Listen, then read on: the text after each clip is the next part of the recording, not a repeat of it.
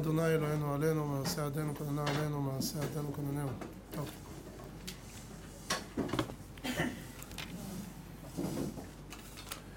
שלום וברכה לכולם, אנחנו נמצאים בערב חג השבועות, ערב מתן תורה. היום בעזרת השם הנושא של השיעור יעסוק בענייני חג השבועות בכלל ובפרט בנושא של מגילת רות, מה, כמו שאומרים, לפרקטיקה שקשורה לענייני מגילת רות. חג השבועות הוא זמן גבוה מאוד מבחינה רוחנית. אני אולי אציין את הדברים המפורסמים. יש הבטחה של האריזל. האריזל מבטיח בשאר הכוונות שאדם שיהיה ער וילמד בליל חג השבועות כל הלילה ולא ייתן שינה לעיניו, אפילו לא לרגע אחד, לא, לא בטלנים, לא כאלה שמפטפטים, ואדם יושב, לומד, מנצל את הזמן, אומר האריזל, אני מבטיח לו שבאותה שנה לא ימות מיתה משונה ולא יכלה חולי, השם ישמור, או נזק או תקלה לא יהיו לו. ככה הוא כותב. אני חושב שזה דבר נדיר. האריזל לא מחלק הבטחות, למי שקצת מכיר את הסגנון שלו, אבל במקרה הזה הוא פשוט מבטיח שלא יארע לו נזק ותקלה למי שער בחג השבועות. מה הסיבה? מה, מה קרה? מה, מה זה? לא ראש השנה, זה לא יום הכיפורים. מה, מה יש בחג הזה? מה כל כך מיוחד? בעל נפש החיים, רבי חיים איצקוביץ' מוולוז'ין, מכונה בדרך כלל רב חיים מוולוז'ין, תלמידו המובהק של הגאון מווילנה, כותב שהתורה, כך הוא מביא בשער ד' בנפש החיים, הוא אומר שהתורה מגיעה מעולם שהוא מעל עולם האצילות. כידוע יש לנו ארבעת העולמות המפורסמים, עולם העשייה, עולם היצירה, מעל זה עולם הבריאה, ומעל הכל עולם האצילות, שזה עולם זך ורוחני, לא במושגים הגשמיים שלנו בכלל. התורה נאצלה ממקום הרבה יותר גבוה. וברגע שביום מתן תורה, זה הסיבה אגב שביום מתן תורה הוא ניתן ביום החמישים, כי הספרה החמישים כידוע היא ספרה על-טבעית. ולכן שנת החמישים זה שנת היובל, כולם חוזרים הביתה. התורה ניתנה ביום, ביום החמישים מכיוון שהתורה שייכת למימד של מעל הטבע. וביום שאתה מתחבר לתורה, התחברת למימד שמעל הטבע. אז אתה לא שייך למסגרת הטבע. אלה דברים, הוא כותב את זה שזה, בלי קשר הוא אומר, זה לכל ימות השנה. הוא אומר, כל ימות השנה שבן אדם יושב ועוסק בתורה, הוא מביא תנא דבי אליהו. אם ראית שבאים עליך צרות, ייסורים, זה, פאק, פאק, כל מיני מכות מכל מיני כיוונים, תתחיל להגדיל מהר את השיעורי תורה. עוד שיעור תורה, עוד שיעור תורה, כי ברגע שאתה מגדיל את התורה, אתה מצמצם את האיסורים. מה הקשר? אתה מתחבר למימד העל-טבעי, אתה, אתה פחות שייך למסגרת חוקי הטבע. ואולי אני אתן פה איזושהי, איזשהו דבר נחמד. הכרתי יהודי יקר, הוא נפטר, זיכרונו לברכה, היו הדברים לעילוי נשמתו. הוא היה עוסק ב... הוא היה טכנאי מכונות כביסה, באזור השרון. הוא עבד שם לפרנסתו, הייתה לו משפחה ברוכת ילדים. כל יום שש-שבע מכונות, אתם יודעים, הולך פה להגר שם, זה... הולך מתקן, מרוויח את היומית שלו, יושב ללמוד. הוא מספר שהוא עבר לאחת הערים החרדיות, עבר דירה מאזור השרון לאחת הערים החרדיות. הוא פשוט סבל חרפת רעב. חרפת רעב, לא היה לו פרוטה בכיס. והוא התחיל לברר מה קרה, מה, פה, מה, מה, אין לכם מכונות כביסה? מה אתם מחפשים עם הידיים? אמרו לו, יש, אבל המכונות לא מתקלקלות. לא מתקלקלות המכונות. זאת אומרת, ביחסיות למה שהוא הכיר. וזה דבר מדהים. זו הייתה עיר שהרבה הרבה אברכים למדו שם, וברגע שאתה מתחבר לתורה, אז כבר הדברים הגשמיים מחוברים למערכת העל-טבעית. הרב שך פעם אחת הגיע אליו איזה אברך, אמר לו שהוא מרוויח אלף שקלים בחודש. זה אגב פחות או יותר זו המשכורת של האברכים. תעזבו מה שמבלבלים במוח בתקשורת, כן? זה לא היה ולא... הלוואי היו האברכים מקבלים את, ה, את מה, ש, מה שממציאים עליהם. אבל מרוויחים פרוטות. בכל אופן, יושבים ולומדים בגלל האידיאל, זה לא, לא בגלל הכסף. נותנים איזו מלגה קטנה, ואפילו המלגה הזו היא לא כדי להתקיים. אז הוא היה לו מאוד קשה, באותה תקופה הוא הרוויח אלף שקלים. הוא בא לרב שך, זיכרונו לברכה, אמר לו שהוא רוצה להיות אה, מנהל חשבונות, והשכר שמקבלים זה 4,000 שקל לחודש. זה היה השכר באותה עת במשק. אז הוא אמר, אם חודש אחד אני לא מסתדר, אני בטוח שאם אני מרוויח ארבעה חודשים בחודש אחד, בטוח אני אסתדר טוב. אמר לו הרב שך, זה לא מספיק. ארבעת אלפים שקל? צריך יותר מזה, הכנסה יותר. הוא אומר לו, כבוד הרב, זה משכורת של ארבעה חודשים. אמר לו, משכורת אחת שקשורה למעל הטבע, לא מתקרבת לארבעה חודשים שקשורים למסגרת הטבע. הוא לא הבין, ואז הוא נתן לו דוגמה. הוא אמר לו, היום נמנעים לך כל מיני טיפולי שיניים, כל מיני, אני יודע מה, דוחות, כל מיני תקלות, כל מיני קלקולים, המקרר לא מקולקל, המכונת כביסה ממשיכה להסתובב ככה בלי הפסקה. תדע לך שביום שאתה תעזוב את העבודה, את הלימוד, ותצא לעבוד, לא עשית עבירה, חס וחלילה, אבל אתה לא שייך למסגרת העל-טבעית. ירדת למסגרת חוקי הטבע. אה, בשביל לעמוד בכל התקלות וההוצאות והדברים, אתה צריך להרוויח קצת יותר מ-4,000 שקל. אמר וצדק. זה באמת ככה. לכן, היום הזה, יום של חג השבועות, אומר האריזל, אתה מתחבר למימד העל-טבעי. וברגע שאתה מעל הטבע, אז אתה מעל הזמן, מעל פגעי הזמן, מעל בר מינן מיתות משונות. כמובן, אם הגיע זמנו של בן אדם, הגיע עד 120 לכולם בבריאות ונחת, אבל מדבר לפעמים, יש כל מיני דברים שפתאום יש איזושהי גזרה ומידת הדין מתוחה, טלק, בן אדם נתפס. אתה לא שייך למערכת הזו. אתה נמצא מחוץ למימד. לכן חג השבועות הוא זמן גדול מאוד. הזכרנו פה, גם אני וגם אה, הרבנים הקודמים, אה, אין בעיה לאכול מאכלי חלב, רק הפכו את החג הזה לחג של מאכלי גבינה ושכחו את העיקר. אז בסדר, נאכל עוגות גבינה וזה יהיה נחמד, אבל העיקר העיקר זה העמל לתורה ולשבת בתורה ולעסוק בתורה. וכמה שביום הזה מתחברים יותר לתורה, זה הזמן הגבוה ביותר שבו אנחנו יכולים לבקש בקשות. אני לא צוחק איתכם. קחו עט ודף.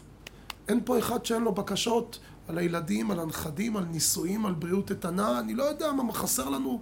חסר בקשות לבקש מבורא עולם, תכינו, איך אומרים, רשימת קניות. ותתפללו. תגידו, ריבונו של עולם, היום הזה זה לא יום טבעי, זה יום של מעל הטבע. קח אותנו, את כל הבעיות שלנו, קח אותה מעל הטבע. לא רוצים להיות תחת המערכת הזו. וזה אפשרי אחרי שאדם יושב ועמל בתורה כל הלילה. לכן אומר האריזל, ובפרט יש עניין לעשות את התיקון, התיקון שתיקן אותו האריזל, הדברי תורה וכולי, מי שלא יכול יכול ללמוד גם גמרא, אבל עדיף לעשות את התיקון בלילה. אה, נשים שרוצות להיות ערות כל הלילה, הבן איש חי כותב שאצלהם בבית כל הנשים היו ערות ולומדות. אבל הוא אומר, סליחה, הוא אומר, הן לא היו לומדות את התיקון, על פי הסוד יש לזה עניין למה נשים לא קשורות בתיקון, אבל הוא אומר, הן היו קורות תהילים, קורות זוהר, אפשר, לק... בלי להבין, לגרוס, קורות את הזוהר, וזה מתאר את הנשמה, וגם יש בזה מעלה גדולה, להתפלל ולבקש באמת על כל הצאצאים. אני אוסיף אה, פה עוד משהו פרקטי, שזה באמת דבר שהוא מאוד חשוב. יש טבילה במקווה. מאוד מאוד מיוחדת. הטבילה הזו זו טבילה של ליל חג השבועות לפני עלות השחר. עלות השחר יוצא היום בארבע ושבע דקות, אז הטבילה הזו לפני. אז מי שלומד בלילה, וכמובן מי שזה אפשרי לו, ילך לטבול במקווה לפני תפילת שחרית, יעשה טבילה, והטבילה הזו היא מיוחדת. מה מיוחד בטבילה הזו? אני אסביר. במהלך ימי שבעה, הרי חג השבועות הוא סוגר את ספירת העומר. במהלך השבעה שבועות האחרונים אנחנו כל יום, זה 40, 49 יום, כל שבוע מכוון כנגד ספירה מסוימת. השבוע הראשון ספירת חסד, שבוע שני ספירת גבורה, שבוע שלישי ספירת תפארת, שבוע רביעי ספירת נצח, שבוע חמישי עוד ש, אה, אה, שישי יסוד, והשבוע השביעי אנחנו נמצאים כרגע בספירת המלכות. כל שבוע יש לו שבעה ימים. אז ברמת העיקרון אתה תיקח לדוגמה את ספירת החסד ותפרוט אותה גם לשבע ספירות. חסד של חסד, גבורה של השבוע של החסד, תפארת של השבוע של החסד, וכן על זה הדרך. יש לזה כוונות וסיבות ודברים מאוד מאוד עמוקים, אבל כמו שאומרים, אין עניין לרדת מדי לפרטים. ברעיון שאתה עושה את ימי ספירת העומר, אתה מאיר ספירה מסוימת שמחזירה עליך שפע. ברכה, הצלחה וכולי, זה צינור שמוריד שפע לעולם. אבל, שואל האריזל, ספירת הכתר, הספירה הכי גבוהה, אותה אנחנו לא סופרים בימי ספירת העומר. אז הוא אומר דבר מאוד מעניין, הוא אומר את, הס, את הכתר, את הספירה הכי גבוהה הזו, את זה אנחנו משאירים לחג השבועות. ואז, שימו לב, שהולכים לטבול במקווה, הוא אומר, זו, כך הוא קורא לזה, טבילת הכתרים. כל הספירות של הכתר של כל התקופה, תש, מתחילים לרדת. כמובן, זה עניין רוחני, זה קשור לנשמה, זה לא היגיינה. בשביל להתקלח אפשר ללכת להתקלח באמבטיה. הטבילה הזו היא קשורה אך ורק לנשמה.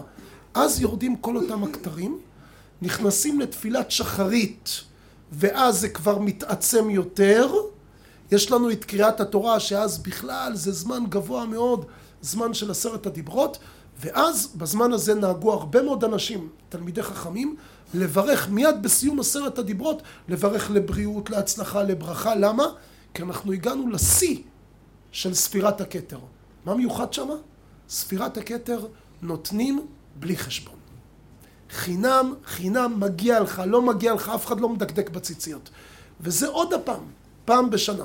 כמה חבל שיש הרבה אנשים, לומדים כל הלילה, מגיע תפילת שחרית, הוא כבר עייף, אז הוא נרדם וישן, ודווקא בזמן שמחלקים את הקופונים, הוא, הוא, הוא ישן. אז לכן אני אומר, צריך ממש ממש להתכונן ליום הזה, לנצל אותו. ואם אתה מנצל, סגרת דיל לשנה שלמה. להצלחה, לבריאות, למה לא? אז לכן, כמו שאומרים, אם יש מודעות, הופכים להיות רגישים, מקבלים יותר רגישות. אז לנצל את הלילה הזה, בעזרת השם, מי שיכול לעשות בתענית דיבור הכי טוב, אבל לא להתבטל, חבל, זה זמן גדול. לשבת, ללמוד, לנצל את הזמן, בעזרת השם, מי שיכול כמובן, לפנות בוקר, טבילה, לאחר מכן אה, יש לנו תפילת שחרית, עשרת הדיברות, ואחרי זה אפשר, אה, אחרי, אחרי תפילת שחרית אפשר לעשות קידוש חלבי. זה בסדר. עכשיו יש מקום על העוגות, מגיע. בן אדם עבד כל כך קשה, מגיע לו. אבל איך אומרים? מקבלים את הפרופורציות בצורה נאותה. אנחנו, כמו שאומרים, אה, ניגע בעוד נקודה, שהיא נקודה חשובה, ענייני אה, מגילת רות. נהגו לקרוא בחג השבועות, נהגו לקרוא במגילת רות. מה, מה באמת העניין? למה, למה קוראים את מגילת רות בחג השבועות? אז נאמרו, נאמרו בהקשר לכך כמה וכמה טעמים, ואנחנו ננקוט מהם, אבל הכי חשוב, אני הולך להביא לכם סיבה שלא כתובה בספרים. משהו ייחודי. הטעמים למה קוראים את מגילת רות בחג השבועות. אחת הסיבות, כיוון שדוד המלך נולד בחג השבועות, וגם נפטר על פי המסורת בחג השבועות, אז לכן קוראים את הייחוס של דוד המלך, שהרי הוא התחיל ממגילת רות. רות הייתה הסבתא של דוד המלך, סבתא רבא שלו, היה הנין שלה, ורות למעשה מביאה את השלשלת. לכן שמואל הנביא כתב את מגילת רות כדי להגיד שייחוסו של דוד המלך מגיע מרות ומבועז. אז ביום שבו דוד המלך נפטר, קוראים את הייחוס שלו, שזה עניינה של מגילת רות. סיבה נוספת, למה קוראים את ענייני מגילת רות? כי הסיפור עם רות ובועז היה בימי קציר חיטים. זה בדיוק העונה הזו, עונת הקציר, זה עכשיו. אז זה גם היה בדיוק בתקופה הזו, אז לכן גם קוראים את האירוע שהיה בתקופה הזו. טעם נוסף, בחג השבועות, עם ישראל למעשה הפכו להיות גרים. למה גרים? כי עד היום היינו אולי בני יעקב אבינו, אבל לא היינו הבני התורה. לא נכנסנו להיות עם ישראל, ממלכת כהנים וגוי קדוש. ביום הזה, בחג השבועות, קיבלנו על עצמנו תרי"ג מצוות, ובכיוון שכך הפכנו להיות יהודים, ומאז זה באמת עם ישראל מאפיין את זה. הגויים חייבים בשבע מצוות בני נוח. אנחנו חייבים ב-613 מצוות. כמה הפער בינינו לבין הגויים? אז נעשה חשבון פשוט. 613 פחות 7 שכולם גם ככה חייבים. היתרה שלנו על הגויים זה 606. זו בדיוק הגימטריה של המילה רות. רש, וו, תף. לרות לא קראו רות. השם שלה היה, אומר הזוהר הקדוש, קראו לרות, לימים, קראו לה שהיא הייתה גויה גלית. זה היה השם שלה. כנראה זה היה שם פופולרי אצל הפלישתים, המואבים, גוליית, גלית, זה כנראה משהו שהולך שם. כך או כך, זה היה שמה גלית, לפני שהתגיירה. ולאחר מכן שהיא באה והסתבכה תחת כנפי השכינה, אז השם שלה הפך להיות רות, כי זה בדיוק 606 מצוות היא הוסיפה על עצמה ממה שהיא לא הייתה חייבת. אז לכן רמוז את זה בשם שלה. הגמרא במסכת סוטה בדף מ"ב עמוד ב' מביאה טעם נוסף למה קוראים לרות רות על שם שיצא ממנה דוד המלך. רות זה מלשון רוויה, אותיות ר' ו', רוויה זה עם A, אבל רות זה כביכול רוויה. שדוד המלך ריווהו לקדוש ברוך הוא בשירות ותשבחות. היה קם כל יום בחצות הלילה, מזמר, משבח את בורא עולם, עוסק בתורה עד עלות השחר. דבר שהוא מיוחד מאוד. מי זוכה לכזה נין, לכזה נכד? רות, שזכתה ויצא ממנה אדם שהוא כל כך מיוחד כמו דוד המלך. אז זה למעשה הטעמים שאנחנו קוראים את מגילת רות. כמובן, יש פה עוד רבדים הרבה יותר עמוקים, אבל הייתי רוצה להוריד את זה, כמו שאומרים, לרובד הפרקטי והמעשי. סיבה נוספת, מוזרה, או יותר נכון חריגה. למה אנחנו קוראים את מגילת רות בחג השבועות? רבותיי, אם נצא עם המסר הזה מפה, עם המחשבה הזו מפה, בעזרת השם, זה שינוי של תפיסה בהרבה הרבה דברים. שימו לב. את הסיפור הזה, אני קראתי אותו אה, אצל איזה יהודי אחד שכתב, סיפר את הסיפור הזה על עצמו. הוא אומר שהוא התחתן ב... למחרת חג השבועות. כבחור הוא רצה להקדיש לרעייתו חוברת דברי תורה שהוא מוציא לכבוד החתונה.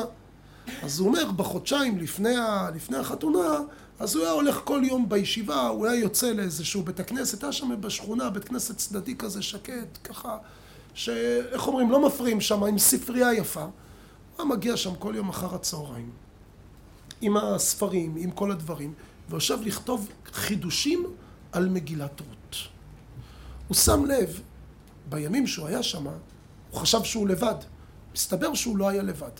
בגלריה למעלה, בעזרת נשים, היה בן אדם שכל הזמן שהוא הגיע לבית הכנסת הוא שמע אותו, הוא לא ראה אותו, אבל הוא שמע אותו שמה למעלה, יושב, לומד, פותח ספרים, סוגר, מפזמן, אה, ככה קורא את הגמרא. הוא אומר, אני גם ידעתי מה המצב שלו, לאיש הזה למעלה היה חוש מוזיקלי. זאת אומרת, אם הוא למד איזה קטע בגמרא והיה לו קצת קשה, אז אתה שמעת ככה את הקול שלו ככה, מנגן את זה בצורת קושייה. ואם פתאום היה את הפיצוח, עלה על העניין, אתה שומע אותו ככה מנגן כזה, זה מנגינה ככה יותר שמחה. הוא אומר, כאילו הייתי, הייתי איתו, אבל לא הייתי איתו. ביררתי, מה, מה, מי זה הבן אדם הזה שם למעלה? אמרו לי, הוא, זה מישהו צדיק. הוא יושב, לומד בעזרת נשים, עזרת נשים נעולה כל השבוע. היה שם בית כנסת שפעיל בעיקר בשבת. הוא יושב בעזרת נשים כל השבוע, ממוצאי שבת ועד כניסת השבת. בכניסת השבת הוא יורד, מתפלל פה עם כולם, ואז עזרת נשים משמשת בשבת למה שהיא צריכה לשמש, והולך הביתה, ובמוצאי שבת הוא חוזר, נועלים את הדלת, והוא יושב ולומד כל השבוע. איך הוא חי? אשתו, הם גרים די קרוב, אשתו שולחת לו עם הילדים, כל יום בצהריים, אוכל, בבוקר, בערב, ככה. אמרו לו, תשמע, אם אתה מתפלל פה בליל שבת, אתה תראה אותו יורד, ואנשים מלווים אותו הביתה לקבל ברכה. אחד כזה למד כל השבוע, תאמינו לי, מה שהוא מוציא מהפה מתגשם. הוא אמר, אני המתנתי, ובליל שבת לפני החתונה, ניגשתי אליו, והגשתי לו את החוברת אה, על מגילת רות. אמרתי לו, תראה, אני לא, לא מכיר אותך, זו פעם ראשונה שאנחנו נפגשים, אבל אנחנו כמו חברותה כזו, אני למטה, אתה למעלה, אבל בסדר, אנחנו ככה היינו ביחד תקופה די ממושכת. Oh, אמר לו, אתה הבחור מלמטה שישב ולמד? אמר לו כן. לקח את החוברת, דפדף קצת, ואז הוא רואה את השאלה.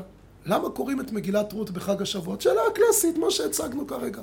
אז הופיעו שם כמה תשובות, הוא סגר את החוברת, אמר לו, תשמע, יש עוד תשובה. ואני אשמח לומר לך את התשובה הזו. תבוא אליי מחר ביום, אה, ביום ראשון, תבוא אליי ביום ראשון בשעה ארבע לעזרת נשים, ואני אגיד לך את התשובה. אומר מההתרגשות, שלוש וחצי הייתי ליד הדלת ברזל שמה של העזרת נשים הנעולה. הוא אומר בשעה ארבע דפקתי, באמת שמעתי אותו גורר את הכיסא, קם, יורד, פתח את הדלת, אמר לי בוא תיכנס. נכנסתי לקודש הקודשים שלו.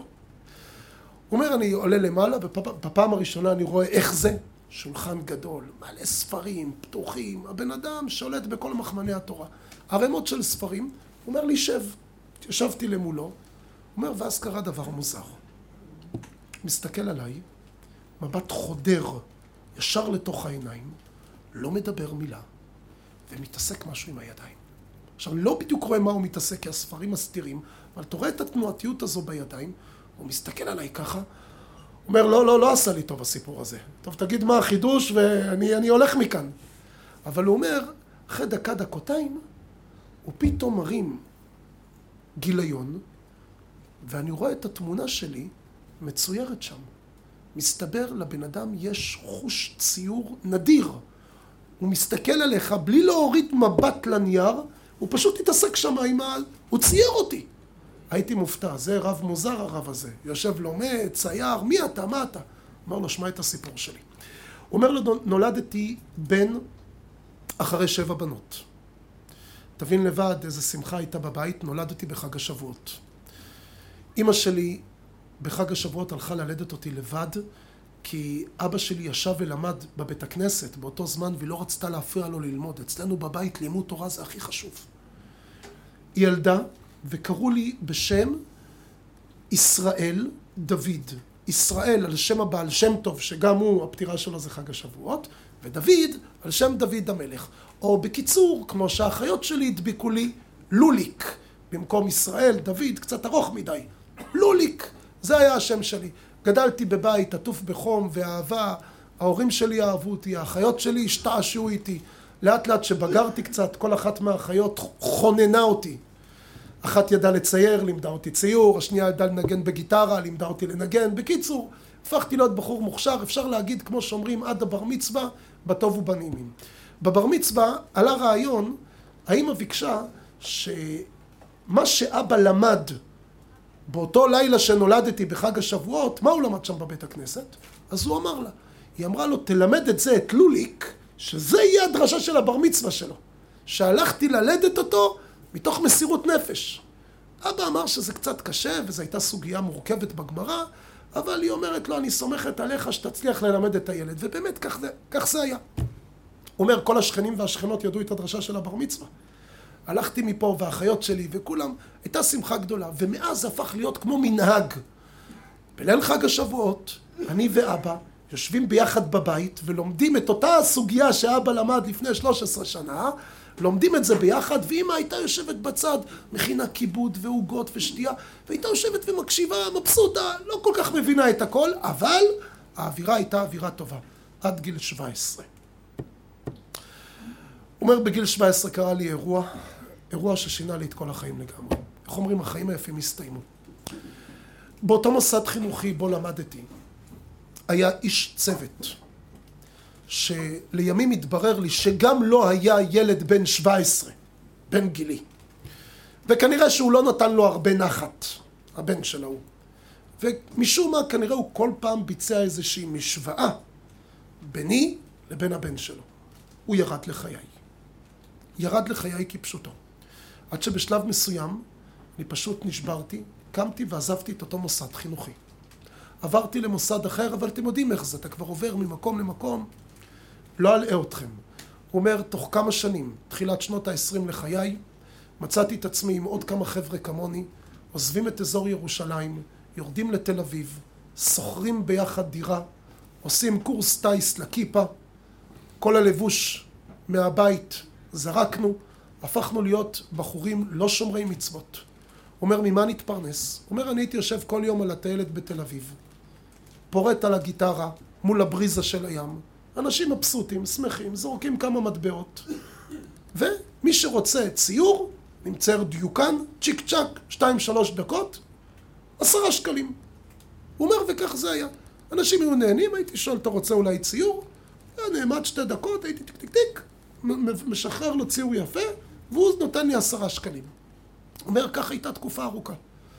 ההורים שלי מאוד אהבו אותי. תמיד בערב ראש השנה אבא שלי היה מתקשר ומאחל שנה טובה ו- ומזמין. טוב, כמובן, הוא אומר, לא, לא רציתי לבוא כי אני חי היום חיים אחרים ואני אוהב אותם ולא רציתי לצייר אותם. והטלפון השני תמיד היה בערב חג שבועות. אימא שלי הייתה מתקשרת ומאחלת לי מזל טוב ו- ושאנחנו מתגעגעים, ואולי בכל אופן תגיע, ואני כל שנה הייתי מסרב, מהאהבה שלי אליהם, לא בגלל, פשוט אני הלכתי בחיים אחרים, ולא רציתי לצייר אותם, הם מאוד אהבו אותי, ודרכינו התפצלו. הוא אומר, ואז יום אחד ישבתי בחוף הים בתל אביב, שם על הטיילת, פורט על הגיטרה, ולא שמתי לב, אבל נעמד לידי בן אדם, עם שיער לבן, זקן לבן, גם הוא מקטף על עצמו איזושהי גיטרה, ומסתכל עליי, בוחן אותי. אני אומר לו, רוצה ציור אדוני? והוא אומר לי, אני מתעניין יותר בצייר ממה שאני מתעניין בציור. הוא אומר, אתה מנגן, אבל אני רואה בעיניים שלך, יש לך הרבה כאב בעיניים.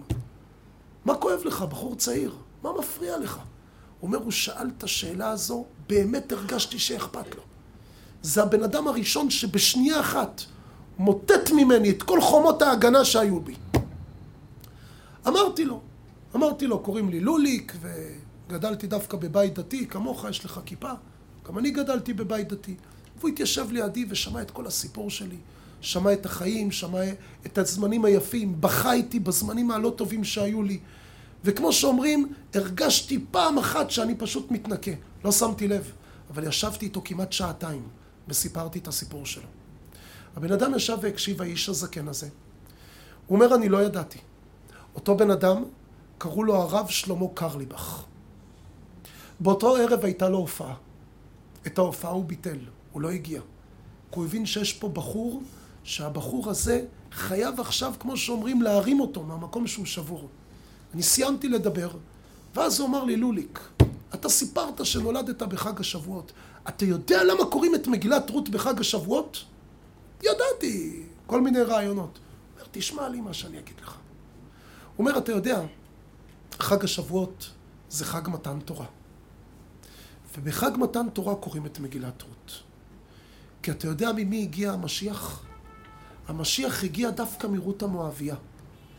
מסביב להר סיני עמדו הרבה יהודים חשובים, מאוד חשובים אפילו, אבל לא מהם בא המשיח. דווקא מרות המואביה. מאותה אחת שאמרו לה, לא שווה לך לבוא לעם ישראל, מי יתחתן איתך? לא, אין לך עתיד בכלל. היא הייתה בת ארבעים, וכביכול גם מואביה, לא היה לה סיכוי, בקיצור, לא היה לה סיכוי. אבל בכל אופן היא הגיעה. אמר לה הקדוש ברוך הוא, את נדבקת באמת, המשיח מגיע ממך. הוא אמר לו, יש הרבה יהודים שהם יהודים של מגילת רות, שאולי נבעטו מפה, אולי נפגעו משם, אבל תדע לך שאם אתה הולך עם האמת, מה באמת הקדוש ברוך הוא רוצה ממך? עזוב את החברה, עזוב את האנשים. איך אתה עומד נקי מול הקדוש ברוך הוא? הוא אומר, תדע לך שמזה מגיע המשיח. הוא אומר לו, תראה, אני הערב טס לארצות הברית. אני חוזר לפה בעוד שבועיים. אני רוצה שתחשוב על הדברים שאני אמרתי לך. אמרת שלמדת עם אבא שלך את הסוגיה בגמרא? איזה סוגיה למדת? הוא זכר, הוא אמר לו. הוא אמר לו, אני חוזר בעוד שבועיים, אני מכיר את הגמרא הזו. אנחנו הולכים ללמוד את זה ביחד. חברותה. הולכים לפתוח דרך חדשה. תחשוב, תחשוב על הדברים. ואז הוא הוציא את הגיטרה ואמר לו, בוא ננגן ביחד. הוציא את הגיטרה והתחיל לפרוט את השיר "לולי תורתך שעשועי, אז עבדתי בעוני". בשיר, בלחן המפורסם של הרב שלמה קרליבך. והוא ניגן, הוא אומר, אני קלטתי צ'יק צ'אק, חוש מוזיקלי, הוא אומר, קלטתי מהר והתחלתי לנגן איתו ביחד. הוא אומר, ואנחנו מנגנים ומתרגשים, שרים ובוכים, שרים ובוכים, ואז פתאום הרב קרליבך אמר, סטופ! עצרנו, ואז הוא אמר, שנייה, בוא נשנה את המילים. לא נשיר לולי תורתך שעשועי, אז עבדתי בעוני. נשיר לוליק תורתך שעשועי, אז עבדתי בעוני. והתחלנו לנגן, הוא אומר זה היה הניגון שמתאר את הנשמה. הוא סיים, הרים את הגיטרה, אמר תזכור טוב מה שדיברתי איתך, המשיח מגיע מהיהודים של מגילת רות. ונעלם. אומר אני הלכתי הביתה, הוא הפך לי את הראש. הוא אומר אני המתנתי שבועיים שהוא יחזור. ובמהלך השבועיים גמלה בי החלטה. אני לא עושה חשבון לחברה, אני עושה חשבון רק לבורא עולם. מה הקדוש ברוך הוא רוצה ממני? הוא רוצה את החיבור שלי אליו. אז מה אכפת לי? מה אומרים? מה צוחקים? מה זה מעניין אותי בכלל? אני רוצה אותו, רק אותו. הוא אומר, ואחרי שבועיים אני הגעתי לטיילת, הוא חיכה לי שם. ואמר לי, נו, הכנת את הסוגיה? אמרתי לו, כמו בזמנים הטובים. אמר לי, יאללה, בוא נלך לבית הכנסת. הם הלכו לאיזשהו בית הכנסת בתל אביב, ישבו ולמדו שם, זה היה לימוד, לימוד אחר לגמרי. ואז הגיע ערב חג השבועות. וכמו כל שנה, אימא שלו מתקשרת ומאחלת לו מזל טוב, ואומרת לו, אולי תבוא. והוא אומר לה, אימא, אני בא. לא, לוליק, אתה, אתה לא צוחק עליי. אתה, אתה, אתה יודע, אני אימא מבוגרת, אל, אל תצחק. אני לא צוחק עלייך. כשאני אמרתי שאני לא בא, לא באתי. והיום אני אומר שאני בא. הוא אומר, אני הגעתי. אולי לא עם הלבוש המקובל, אבל אני הגעתי מחובר לבורא עולם. מדקדק במצווה קלה כבחמורה. יושב ולומד, עוסק בתורה, הרגשתי שחזרתי הביתה. זה החג שבועות אחר לחלוטין, חג של קבלת התורה. כולם היו שם, כל האחיות הגדולות שלי עם, ה, עם הבעלים שלהם והנכדים שלהם. הייתה שם שמחה מאוד גדולה, ואני יצאתי לדרך חדשה. הדרך החדשה זה דרך של לימוד תורה ולהיות מחובר לקדוש ברוך הוא. ולא אכפת לי מה יגידו עליי, מוזר יותר או מוזר פחות. הכרתי את רעייתי, הוא אומר, וזכינו להקים ביחד בית נאמן בישראל. וגם היא בסגנון שלי. מה הקדוש ברוך הוא רוצה מאיתנו? וזו הסיבה. שאני והיא החלטנו שאם אני מסוגל לשבת וללמוד, אז אני אשב ואני אלמד כל השבוע בבית הכנסת. אני יודע, יש אנשים מרימים גבה, אומרים, מה, כל היום שם לשבת וללמוד? אבל אני כבר את האנשים השארתי בטיילת בתל אביב. אני סיימתי מה יגידו.